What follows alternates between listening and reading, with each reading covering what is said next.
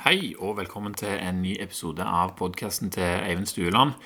Sist gang så snakket vi litt om eh, jording eh, og dette her, og vi kom så vidt innom navnet Clint Ober. Um, så jeg tenkte i denne episoden skal vi snakke litt om han, og hvordan han kom inn på dette her. Fordi altså, det å være jorda det har jo vært en, en naturlig ting i, eh, i, alle de år, helt siden vi var encella organismer som ble til på jordkloden, så har vi jo vært jorda. Men så slutta vi å være det. Og så var det jo noen som hadde en tanke om hva det var som skjedde da. Men det var ikke før Clint Ober begynte å fikle med det, at vi begynte å finne ut hva som faktisk skjedde. Og det er jo akkurat det som, eh, som fanga meg da når jeg begynte å forstå akkurat hva som skjer når du gjorde deg. At det da eh, blir For meg så blir det en sånn eh, Da blir jeg eh, helt fullstendig opptatt av å Altså Helt automatisk så går jeg rundt og kikker hvor kan jeg være jorda. Så jeg er inne i et hus og jeg sånn Hm, så jeg sitter her Eh, for eksempel så var vi på FAU-møte Jeg var på FAU-møte her en dagen. Sa jeg det i forrige episode, forresten? Nei. Men jeg var på FAU-møte her en dag. Satt jeg inne på skolen der så tenkte jeg sånn Shit, nå skulle jeg vært i jorda. Og så sitter jeg og ser, og så, og så ser jeg bak sofaen, så ah, der er det en radiator. Så bare nonsjalant lener meg tilbake og tar armen min bak sofaen, sånn at den er inntil radiatoren. Eh, for da vet jeg at jeg er mest sannsynlig i jorda, for den det er jo et murbygg. Sant? Det er jo gummibelegg på gulvet gummiknotter på møblene, men radiatoren den går ned i muren, som står ned i jorda. Til, i, ifølge teorien så er jeg jo da jorda, og hvis jeg hadde hatt et eh, voltmeter, så kunne jeg jo funnet det ut.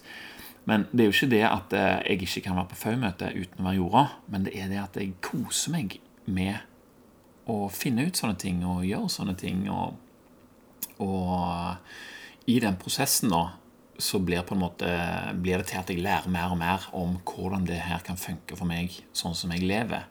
Og det er den prosessen jeg er inne i nå, og det er bare så gøy. Nå har jeg vært på jobb igjen, og her har jeg jo ikke jordingslaken, men jeg har hatt meg teip og ledninger og jordspyd og alt mulig. Jeg går og kikker rundt sånn Er disse kontaktene jorda? Det, nei, her er det ikke. Men der er pipa, den er jo jorda, liksom, og, og sånne ting. Så jeg elsker det når det kommer en sånn ny ting som eh, på en måte opptar eh, nysgjerrigheten, og mm, bare fòrer deg med spørsmål og eh, muligheter som du bare liksom vil grave i. Så nå skal vi ta og gå gjennom hvordan denne her Clint Ober da kom til å bli denne her karen som, som liksom er jordingsmannen. For hvis du søker på jording og alt som har med jording å gjøre, så er det han som, eh, som dukker opp. Og det er ikke uten grunn, så nå skal vi høre hva han eh, sier, eller hva, hva som er hans historie her, da.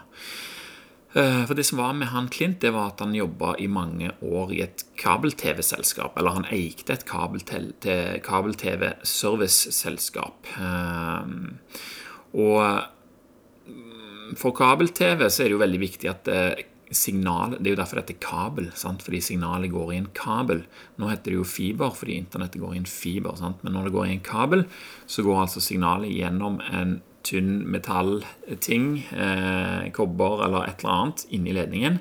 Og Du husker sikkert disse gamle antenneledningene. Sant? Så er det en sånn eh, Det er en, en, tapp i midten, og så er det et rundt eh, skjold på en måte rundt, og så stapper du den inn i bak i TV-en. Og den tappen i midten. Det er jo der signalet går. Men denne her kappen som er rundt, den går jo da òg inni ledningen og er som en kappe rundt signalet hele veien. Og den delen av kabelen er, eh, skal være jorda. Og når den er jorda, så vil det skjoldet der eh, beskytte signalet som er på innsida. Da får ikke statisk og, og sånn eh, elektromagnetisk eh, stråling fra fra omgivelsene. Da får ikke det penetrert og kommet inn til å forstyrre signalet, sånn at det fremdeles er fint når det kommer fram til, til TV-en. Så, så, han visste veldig mye om jording og, og hvordan det virker. Sant? Altså Hans måte å tenke på var liksom okay, Hvordan får du et rent og klart signal? Um, det var jo det store deler av den jobben hans eh, dreide seg om i 30 år. Uh, skal vi se så, ja, så har han Clint, og så forteller han eh, Jeg hørte dette her på en podkast på Ben Greenfield, så dere sikkert uh, har godt av å høre dere òg. Men da fortalte han iallfall at uh, han hadde opplevd et par sånne ting som gjorde at han til slutt solgte det selskapet sitt. Jeg lurer på om jeg sa det sist gang òg. Og at han liksom dro ut for seg sjøl uh, for å leve et annet type liv, da, for han holdt på å dø, for han hadde en sånn leversykdom og noen sånne ting. Uh, mens en dag så satt han med PC-en sin, og så krasja han hele tida. Og han tenkte at det var fordi PC-en ikke gjorde det og jeg har masse status i elektrisitet, så når jeg tar på PC-en, så går det over i PC-en, og så krasjer den. Eh, og løsningen på, på, det problemet det er jo å jorde datamaskinen, sant? sånn at den statiske elektrisiteten eh, får et sted å gjøre av seg. Sant? Eller at det kan bli kilder, i alle fall fra, fra dataen. da.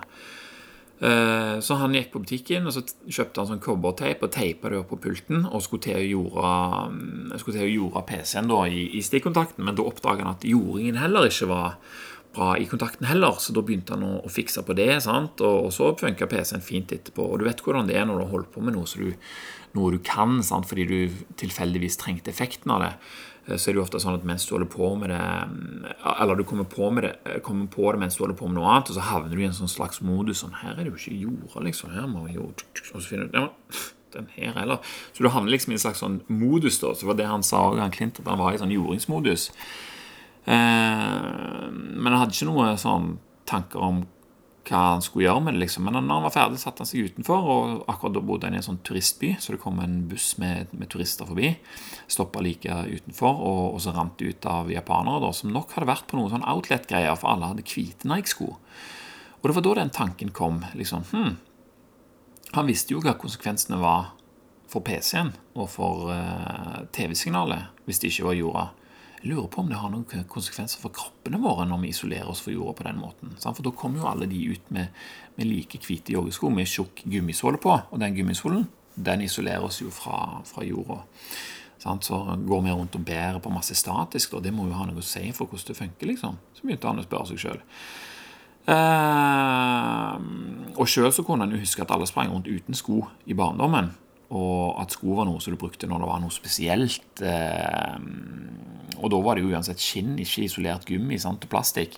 Og det starta vi jo med først på, på 60-tallet, og det var jo en revolusjon i slitestyrke og prisen på sko. Man trengte ikke spare på sko til spesielle anledninger lenger, vi kunne ha sko hele tiden.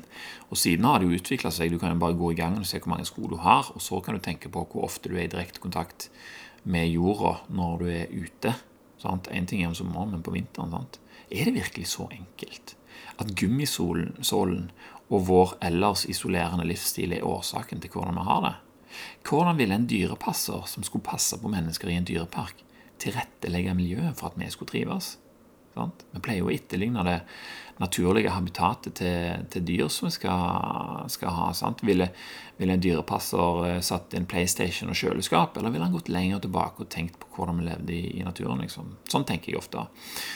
Eh, Naturlig lys og mørke, mat som bygger opp om hvordan kroppen vår fungerer, rent vann, materialer til å lage bål og eh, altså, Viktig for alle dyr tilgang til den uendelige strømmen av elektroner som gjør nytt av, som vi gjør nytte av ved skader og infeksjoner. Samuel. Ville det vært noe? Hvis vi hadde visst om dette her, at det gjaldt dyr, på en måte, hadde vi, hadde vi hatt lettere for å tenke at det, det er jo sånn for oss òg.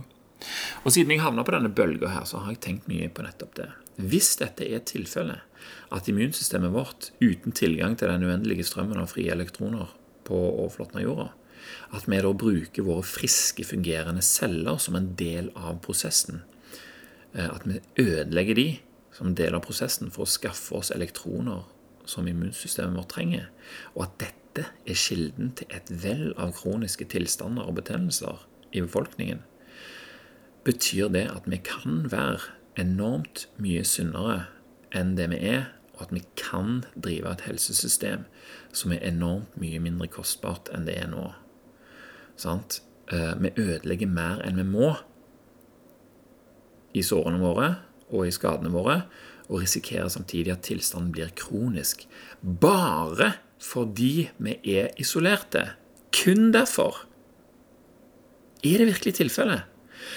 Klint drev og fikla litt med voltmeteret og, og, gjorde noen målinger. og Han visste jo fra før av, eh, Og så det jo òg nå at det var forskjell i spenning i kroppen hans når han var jorda, og når han ikke var jorda.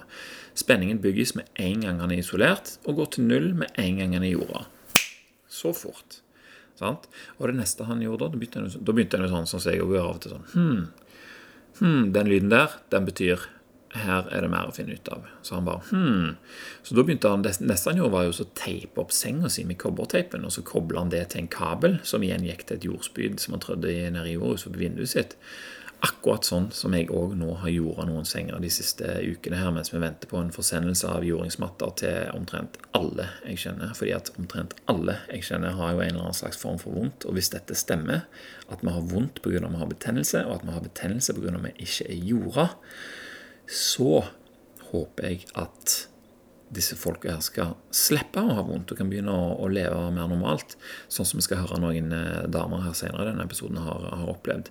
Så han målte sin egen motstand når han lå på senga og så at det var null. Spenningen i han sjøl og jorda var helt lik, og det er jo derfor vi gjorde alt som trenger å jordas. Sant? Det er en forbindelse mellom han og jorda, og den naturlige utvekslingen av frie elektroner kunne finne sted. Han var en del av jorda, rett og slett, akkurat som alt strømførende som kommer i kontakt med jorda, blir. Og det neste som skjer, da, det er jo at han våkner neste morgen med voltmeteret ved siden av seg. Og så tenker han bare sånn Wow, jeg sovna jo, jeg. Og jeg har jo sovet godt i natt òg. Og Clint han hadde alle slags og plager etter et langt liv som starta som cowboy hjemme på ranchen. Uh, og tennisskader og skiskader. og Han, han ramset liksom opp der. Og så, og så, så, han la seg aldri uten Advil. da. Det var liksom Advil og coffee det var det som holdt han gående. Men alt føltes bedre ut nå. Hva i alle dager? Og Clint tenkte jo at jordingen tok bort statiske forstyrrelser i kroppen, akkurat som det hadde gjort med PC-en, og at det var det som ga denne virkningen. Så han begynte å overbevise vennene sine, eller snakke med vennene sine om dette her, og overbevise dem om å prøve, og alle rapporterte de samme tingene. Mindre vondt, sove bedre, uthvilt osv. Mindre hevelse. Og en av de spurte Clint om han trodde dette her hjalp mot leddgikt, for han hadde iallfall blitt mye bedre. Og da sa Clint bare nei, han trodde ikke det. For han trodde ikke det. Han, men så begynte han å lete etter vitenskap på dette området. her, sant? Eh, men til sin store overraskelse så fant han ingenting om jording. Ikke et kvekk. Ingen visste noe om det. Og heller ikke visste de jo hvor leddgikt kom fra. For han begynte jo sånn ah, kanskje det hjelper mot leddgikt. Jeg må sjekke hvor, hvor leddgikt kom fra. Heller ikke det var det noen som visste hvor det kom fra. Ingen visste hvor disse her kroniske betennelsessykdommene kommer fra. Så han besøkte et universitet i Arizona, for det var der han var da. Eh, og de lot seg ikke underholde av at han, eh, av at han sa du kunne oppnå noe som helst ved å stikke en pinne i jorda og binde en kobbertråd rundt eh, tårnet. Liksom. Så til slutt så fikk dro inn til California og snakket med de der. De òg bare liksom du er, du er, ute. Vi driver med mye mer avanserte ting, og til og med ikke det virker. Du vet hvordan vi har lett for å se for sånne ting. Så til slutt så fikk Klint ordna med sin egen studie, da, for han hadde jo tross alt solgt firmaet sitt. og sånn, Han sier jo ikke dette, men jeg ser jo for meg at han hadde en del penger eh, fra det, da, for han var ganske rik før, før liksom. Så da fikk han laga sin egen studie. Og hans eh, overbevisning var fortsatt at dette dreide seg om forstyrrelser fra omgivelsene. Ledninger i veggene, bak senga, sånn, transformatorstasjoner utenfor, TV på rommet, lys, PC-er og alle andre elektriske gjenstander og ledninger vi har i huset som jo avgir elektromagnetisk stråling, som jo selvfølgelig òg påvirker kroppen vår, for kroppen vår er jo elektrisk styrt. Det er jo det som gjør at eh, nervene våre kan sende beskjeder og få oss til å bevege oss. og, og sånne ting. Så Clint han var rundt og målte soverommene til deltakerne i studien. Da, sant? det var 60 deltakere, og halvparten skulle sove jorda, og halvparten skulle sove på det de trodde var jorda, eller placebomatta. placebomatter. Eh, og da målte han òg den elektriske forstyrrelsen på rommet i forkant. Eh, og noen hadde lite, sant? Eh, og noen hadde mye. Ei dame med kraftige giktplager hun hadde veldig mye eh, stråling, mens en annen kar hadde lite forstyrrelser på rommet sitt, men han hadde likevel lignende giktplager. Eh, to gamle folk, dette er en mann og en dame. Så klint tenkte jo da at åh, på dama så tenkte han sånn Oi, her får vi masse resultater, er mye stråling. Mens på den, eh, på den, andre så viste lite forstyrrelser. Da ble det sånn oh, her kommer vi ikke til å få noe særlig resultater. Men når resultatene kom, så var det jo selvfølgelig over all forventning spesielt effektivt eh, var jo dette her mot betennelsesbaserte kroniske sykdommer. Bedre søvn, mindre vondt og mindre hevelse, uthvilt, mer energi osv. Både hos hun dama og mannen og alle de andre som var med i, i den studien. Og det var først da det begynte å demme for Clint hva det var som foregikk. Eh, og så tok han med seg denne studien her og maste videre, da, men det var jo fremdeles ingen som ville høre. Men han fikk med seg en kar som tenkte at ok, jeg kan vel underholde deg litt og motbevise deg i samme slengen. Fine! Sa Clint, og så satte de i gang. Og Denne gangen var det kortisol som skulle måles. Og Først hadde deltakerne kortisolnivåer som var liksom all over the place rundt omkring, og helt uavhengig av hverandre. Uh, unge damer for eksempel, de hadde høyt kortisolnivå om kvelden i tolvtida når de skulle legge seg, sant? for de ligger der og bærer på ting sånn 'Kanskje hun tror sint på meg, eller han liker meg ikke', eller sant? Altså, så sitter du der, og så får du økt kortisol, så får du ikke sove. Andre hadde sine kurver basert på sin bading eller sine egne plager. Noen er utmatta og gamle og slitne og sånt. Men det som så skjedde når disse personene ble jorda, når resultatene kom tilbake, så ser de at kortisolnivåene til alle deltakerne har synkronisert seg. Istedenfor å være all over the place, så følger de den samme linja gjennom døgnet. Eh, og det er jo helt vilt, egentlig. Hva er det som gjør at vi kobler oss opp? Sant? Det er jo Det høres jo helt vilt ut når du sier det først sånn, men samtidig så er det jo så soleklart. Hvis du kobler på jorda, så jo, tar du jo imot signaler derfra. Sant? Sånn kortisolet, f.eks., det er jo, er jo lavt gjennom natta fram til klokka fire-tida. For det var da alle sine kortisolnivåer steg. Sant? Og det er jo det du skal gjøre. Du skal gjøre kroppen din og hodet ditt klart for å stå opp om noen timer. Så det er det som gjør at vi får den energien til å stå opp. Uh, uh, for klokka fire om natta så snur på en måte natta til dag. Sant? Det endrer spenningen til jorda. Uh, og det er dette våre kropper alltid har fått med seg. Og når vi var kobla på, så skjedde det av seg sjøl. Men siden de, aller, altså, siden de aller første levende tingene oppsto på denne jorda, så har vært kobla på. Og akkurat den synkroniseringsgreia der, den blir veldig overbevisende for meg. Og jeg elsker å tenke på at det er sånn, og at jeg kan sørge for at det er sånn for meg òg. Eh, for noen år siden så, jeg tror jeg sa det sist, så fikk vi et jordingslaken til her på senga. Vi har brukt det om vinteren og sånt når vi ikke har gått så mye Når vi har gått mye uten sko og sånt. Men nå er det bare sånn Å, jeg elsker det lakenet. Og det skal aldri av igjen. Og så jeg litt, fikk jeg litt sånn små angst av at jeg ikke hadde et sånt på jobb, så da måtte jeg lage et med jordingsbyd og messingteip og sånne ting. Så det, og det funker som bare det. Jeg kan til og med se det på auraringen, at HRV-en min stiger hver eneste natt fra klokka, rundt klokka fire til seks. Og det er bare så kult. Uh, og det første Ask sa når jeg hadde forklart disse tingene over frokost en morgen, var at uh, vi må bestille jordingslaken til alle med en gang. Og, for jeg òg vil vekkes forsiktig av jordkloden hver eneste dag. Og så vil jeg ha kortisolnivåer som passer med hva jeg skal gjøre. Og alle disse her kroniske vondtene forsvinner når vi gjorde oss fast. og Det betyr òg at om du gjorde deg fast, så vil du ikke få disse plagene i utgangspunktet. Og gjorde deg så mye som mulig blir en no-brainer når vi vet dette her. Um, og en annen tilfeldighet som ble oppdaget gjennom en av disse studiene, det var at to, eh, det var to av deltakerne som alltid hadde tre timers forskjell på kortisolbevegelsene i forhold til de andre. Sant? De andre var helt sånn i linja, og disse fulgte den samme linja, de òg, men de var ikke eh, på samme tidspunkt. Så viste det seg at disse her to de bodde på østkysten, og at de pendla til vestkysten. Og Der er tidsforskjellen tre timer. Og så lenge de ikke hadde jorda seg, så fortsatte kortisolnivået å følge østkysten selv om de var på vestkysten. Men så snart de kobla seg på, så synkroniserte kortisolnivåene seg i tråd med de andre sine igjen, og så var de på plass. Og det er jo det vi har hørt så mange si òg nå om jetlag. Beste, beste medisin mot jetlag, det er å jorde deg. Og det er så kult når du skjønner hvorfor. Sant? Og det er jo så viktig å vite om dette her. Eh, at de vet jo ikke helt i hvilken retning jeg skal hyle, liksom. Men tenk at vi alle går rundt med kortisolnivåer som stort sett må gjette seg til hva klokka er, og hva vi trenger å gjøre for å, hva tilstand vi skal være i for å gjøre det vi skal. Sant? Men alt vi trenger å gjøre for å ordne opp i dette, her, det er å synkronisere oss med jorda. Bare være i kontakt med den, så skjønner vi hva, hva det går i. Så etter alt dette her så har det jo blitt publisert 21 peer-reviewed studier som alle sier det samme. da. Dette har en effekt, en antioksidativ effekt. Og antioksidanter, det har jeg hørt om, men helst i forbindelse med C-vitamin. Hva har dette her til felles? Jo, antioksidanter hindrer oksidasjon. Oksidasjon er når elektroner forskyves eller blir avgitt, og ei frisk celle som avgir et elektron til sin nøytrofile granosolutt blir oksidert. Jern som ruster, resultat av oksidering. Irr på kobber, sølv som anløper, et eple som blir brunt i kanten og fett som haskner. Oksidering, alt sammen. Så har du C-vitamin, da, askorbinsyre. Det er en antioksidant, og den kalles gjerne for E300. Du har vel hørt om E-stoffer. E300 er askorbinsyre, C-vitamin, og det tilsettes i en rekke matvarer for å unngå nettopp oksidering og harskning. Og det er jo det vi vil unngå i kroppene våre òg. Derfor tar vi gjerne C-vitamin og D-vitamin.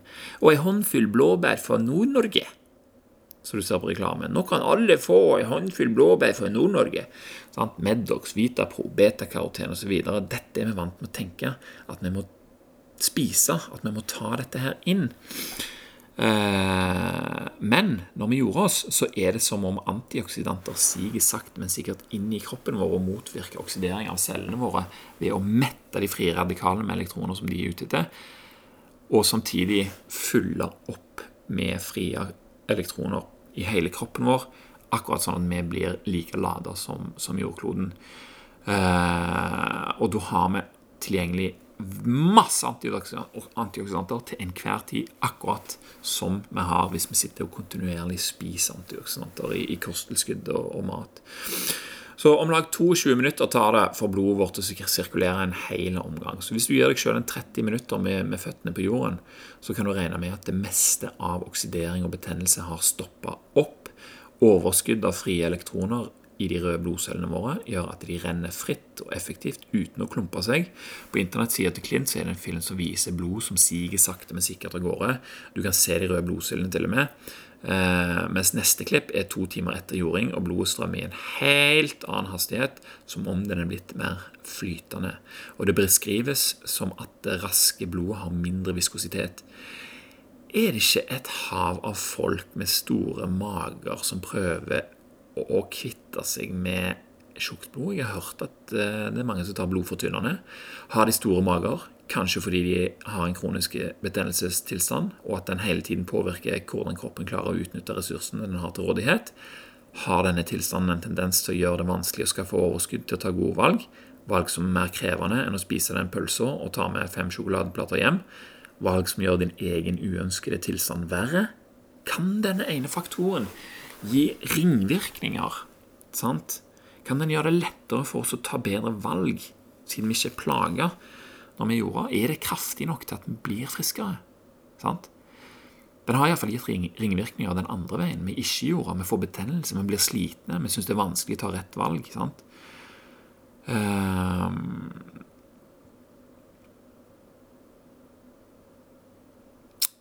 å stoppe de kroniske smertene og plagene til folk ved hjelp av medisiner og blodfortynnerne ser ikke ut til å løse problemet vårt. Det er sjelden jeg hører om folk som uh, sier liksom Ja, jeg tok noe blodfortynnende, og jeg ble så god, skal du si. Og så trengte jeg jo ikke de etter en stund.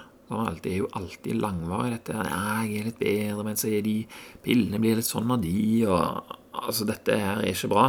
Men på disse filmene om jording, som jo finnes på internett, så er det det de sier hele gjengen. At smertene deres forsvinner når de gjorde seg. Sant? Det forsvinner fordi betennelsen forsvinner. Fordi betennelsen ikke er avhengig av å drepe friske celler i din egen kropp. Det er det som gjør vondt. Når de cellene dør, når de blir drept Hvis de ikke trenger å drepe friske celler for å fikse noe som allerede er ødelagt, så får du ikke vondt, da har du ikke betennelse, og da får ikke informasjonen mulighet til å bygge på seg sånn som man har gjort. Så nå skal vi ta et par case, cases her. Og Da har vi ei kvinne på 33 år som hadde følgende repertoar. Hevelser og kroniske smerter i høyre kne. En liten halt hadde hun pådratt seg. Hun kunne ikke stå lenge om gangen, og hun var veldig ustabil i gangen når hun sto. Enkelte ting som kjøring gjorde ting verre. Hun måtte sove med ei pute mellom knærne for å unngå smerte. Og skaden oppsto når pasienten var 15 år, altså, og nå var hun 33, sant? så det er jo 18 år. Det var en turnskade. Tenk det, blir skadet når du er 15 år, og så når du er 33, så har det bare blitt verre og verre, og du må sove med puter mellom knærne og kanskje kjøre lenge og gå og halte. Veldig vanlig. Eh, så hun har vært av og på diverse ting og tang av medisiner i 18 år, med minimale resultater. Og så begynner de, da. Etter 30 minutters jording, mild reduksjon i smerte. Etter seks dager 50% reduksjon i smerte. Kan over lengre perioder uten smerte. Eh, trenger ikke puter mellom knærne om natta lenger. Sant? 18 år seks dager. Etter fire uker kunne du spille fotball. Ingen ustabilitet, veldig lite smerte. Eh, begge deler for første gang på 15 år. Etter tolv uker 87% reduksjon i smerte, står det her. Hvordan du kom fram til akkurat 87, det vet jeg ikke. Men, men i alle fall, mye mindre smerte. Ingen hevelse. Prøvde vannski igjen for første gang på 15 år, og der kan du absolutt ikke være ustabil. Etter seks måneder fullførte halvmaraton. Og dette digger jeg. altså. Det er jo så verdt det. Du gjør jo ingenting. Du taper ingen på dette. her. Seks måneder for å kvitte seg med 18 år med drittliv, og det er helt uten bieffekter. Det var tilstanden i de 18 årene som var bieffekten. Bieffekten av oksidering i kroppen av friske celler, av mangel på antioksidanter og mangel på kontakt med jorda, som tro det eller ei, har noe å si for hvordan vi lever. Og Sirkulasjon er òg noe som lider uten jording. En 54 år gammel kvinne med kalde føtter Da mener jeg ikke sånne gifte seg kalde føtter, men kalde føtter som bare blir verre og verre de siste 20 årene. Sant? Så Hvis de blir verre de siste 20 årene, så betyr det at du har hatt det ganske lenge. Så hun pakka seg inn sommer som vinter. Om vinteren kunne det bli så kaldt at det gjorde vondt. Og bilder av føttene som er tatt med sånn varmekamera som viser forskjellige farger etter hvor god sirkulasjon det er i vevet, viser områder som er helt svarte, altså null sirkulasjon. og Det kalles for termisk amputasjon. Sant? Da har du ganske heftige greier.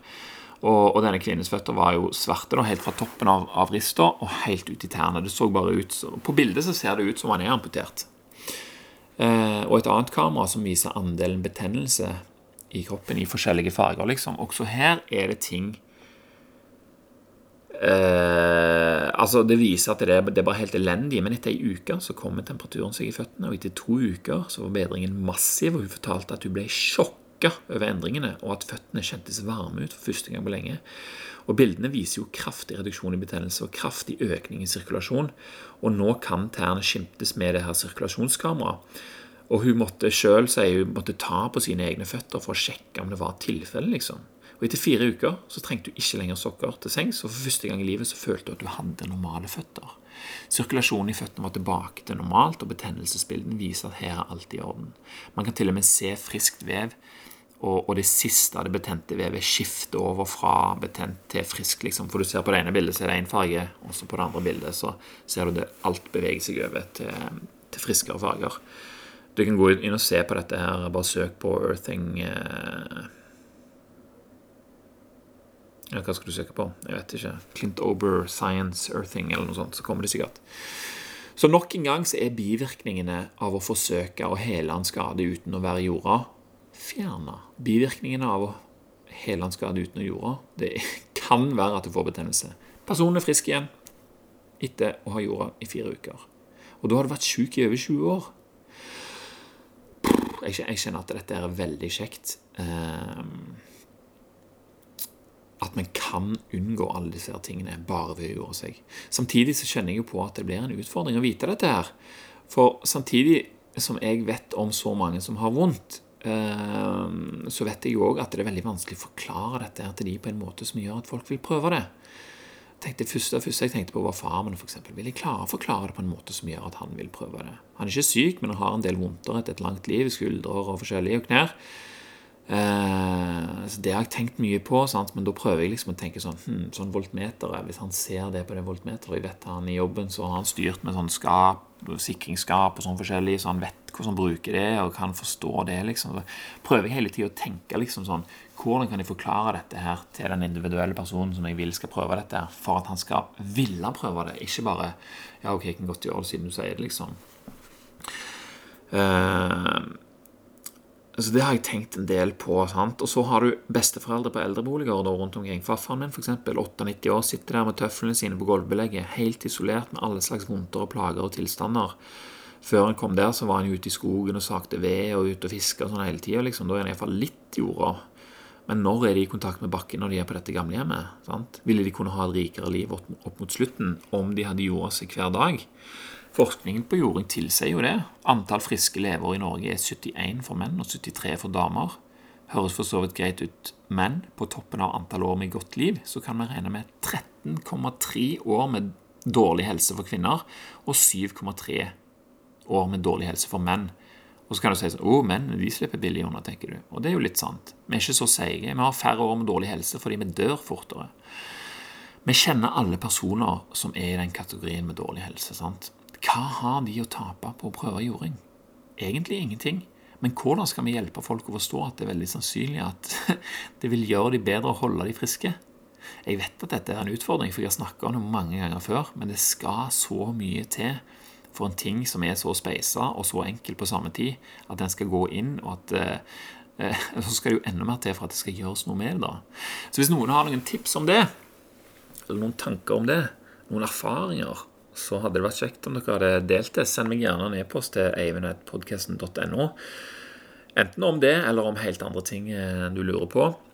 Eh, denne episoden er ferdig for nå, men neste gang så skal jeg gå igjennom et Jeg har begynt å, begynt å lage den episoden, men ikke helt ferdig. Men jeg skal gå igjennom et dokument som heter The Effect of Grounding on Inflammation, the Immune Response, Wound Healing and Prevention and Treatment of Chronic Inflammatory and Autoimmune Diseases der de har skrevet en lang eh, greie om hva de har funnet ut så langt. og Den er jo ikke helt ny, den greia der, men eh, for alle som eh, ikke har hørt om dette før, så er det jo helt nytt. Så da er det jo veldig eh, nyttig å høre på.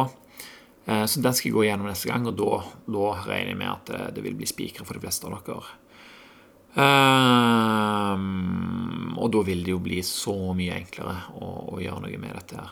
Så i mellomtida Sjekk ut forskjellige filmer. Du, ja, forresten. Det er forskjellige filmer du kan se. Det er en som heter Earthing Movie. Den ligger på YouTube. Den uh, har jeg sett. Sjekk gjerne òg ut Ben Greenfield sin podkast med Clint Ober. Det var den jeg hørte først når jeg virkelig forsto dette med elektroner og nøytrofile eufylytter og sånne ting. Det var den som bare uh, Da kasta jeg skoene rett med en gang. Uh, den episoden er bra. Og så er det òg en litt sånn weird film som heter The Grounded men i den The Grounded er det veldig overbevisende eh, hendelser med forskjellige folk. Så alle de tre tingene der eh, har jeg har hørt episoden sikkert tre-fire ganger. Jeg har sett The Grounding Movie to ganger og The Grounded òg to ganger. Tre ganger, faktisk. Først på jobb, så med kona mi, så en gang til. Og eh, det er sånn det blir når noe er interessant nok til at du liksom vil vite mer. Du vil ha med de detaljene. Og det er det som stort sett eh, bygger motivasjon til å gjøre noe med det. Så Nå vet jeg ikke hvor mange sånne do it yourself-laken jeg har lagd eh, de siste ukene, men det er gøy. Det er gøy, og det er mange som vil ha det.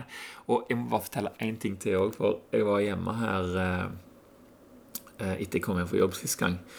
Så jeg har jo fortalt ungene og alt dette her om det, og, og, de vet jo veldig godt om det. Og liksom kjører forbi på lekeplassen, så ser det bare fullt av unger med Sherrox og boblejakker, og dattera mi i sommerkjole og barbeint, liksom, og skeptiske foreldre som står og ser på henne.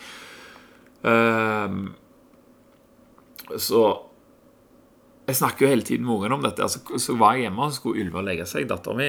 Og så skulle jeg bare opp og si god natt til henne, for jeg skulle ut og, i hagen og sende frisbee med, med, Ask. Og så merker jeg at jeg hadde vondt i fingeren, for jeg jeg har fullt av sår på hendene nå når det er vår, og det er graving og snekring og bilskruing og sånn hele tida. Så var det blitt betennelse i fingeren. Og den dagen der så hadde jo jeg bare kjørt, for jeg hadde kjørt og hentet noe utstyr i Haugesund og Stavanger og litt sånn forskjellig for, eh, som jeg skulle ha til til utleieleiligheten. Og så kom jeg hjem, og så skulle jeg si god natt. Og så sier jeg sånn åh, men jeg må ut og sende litt frisbee nå og gjorde meg. For se, jeg har fått betennelse i pekefingeren min. Så holdt jeg de inntil hverandre. Så så jeg det at høyre pekefing, den var mye større. Den var rød.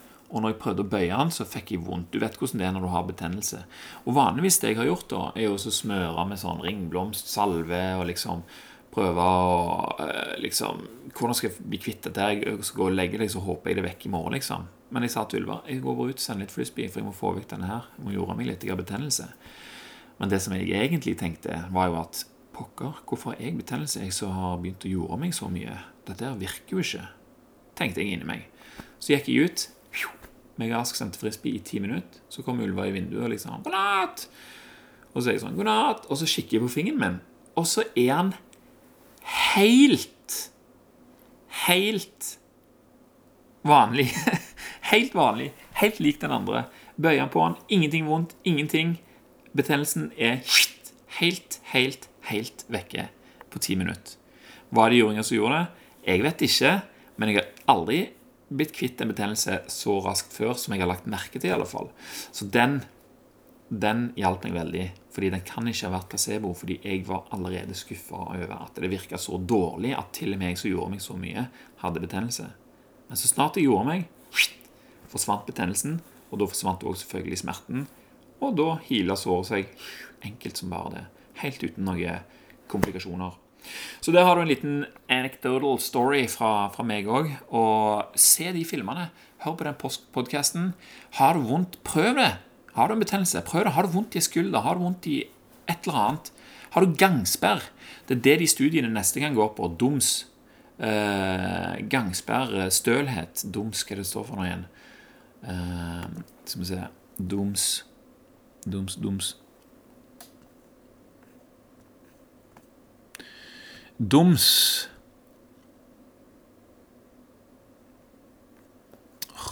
Jeg har jo sagt det hundre ganger i dag. Delayed onset muscle soreness, DOMS, gangsperr. De, de kjører folk beinhardt på en situpsøvelse, og så måler de etterpå hvor fort de healer. Og det skal vi snakke om i neste episode. I mellomtida, stay grounded! Så snakkes vi.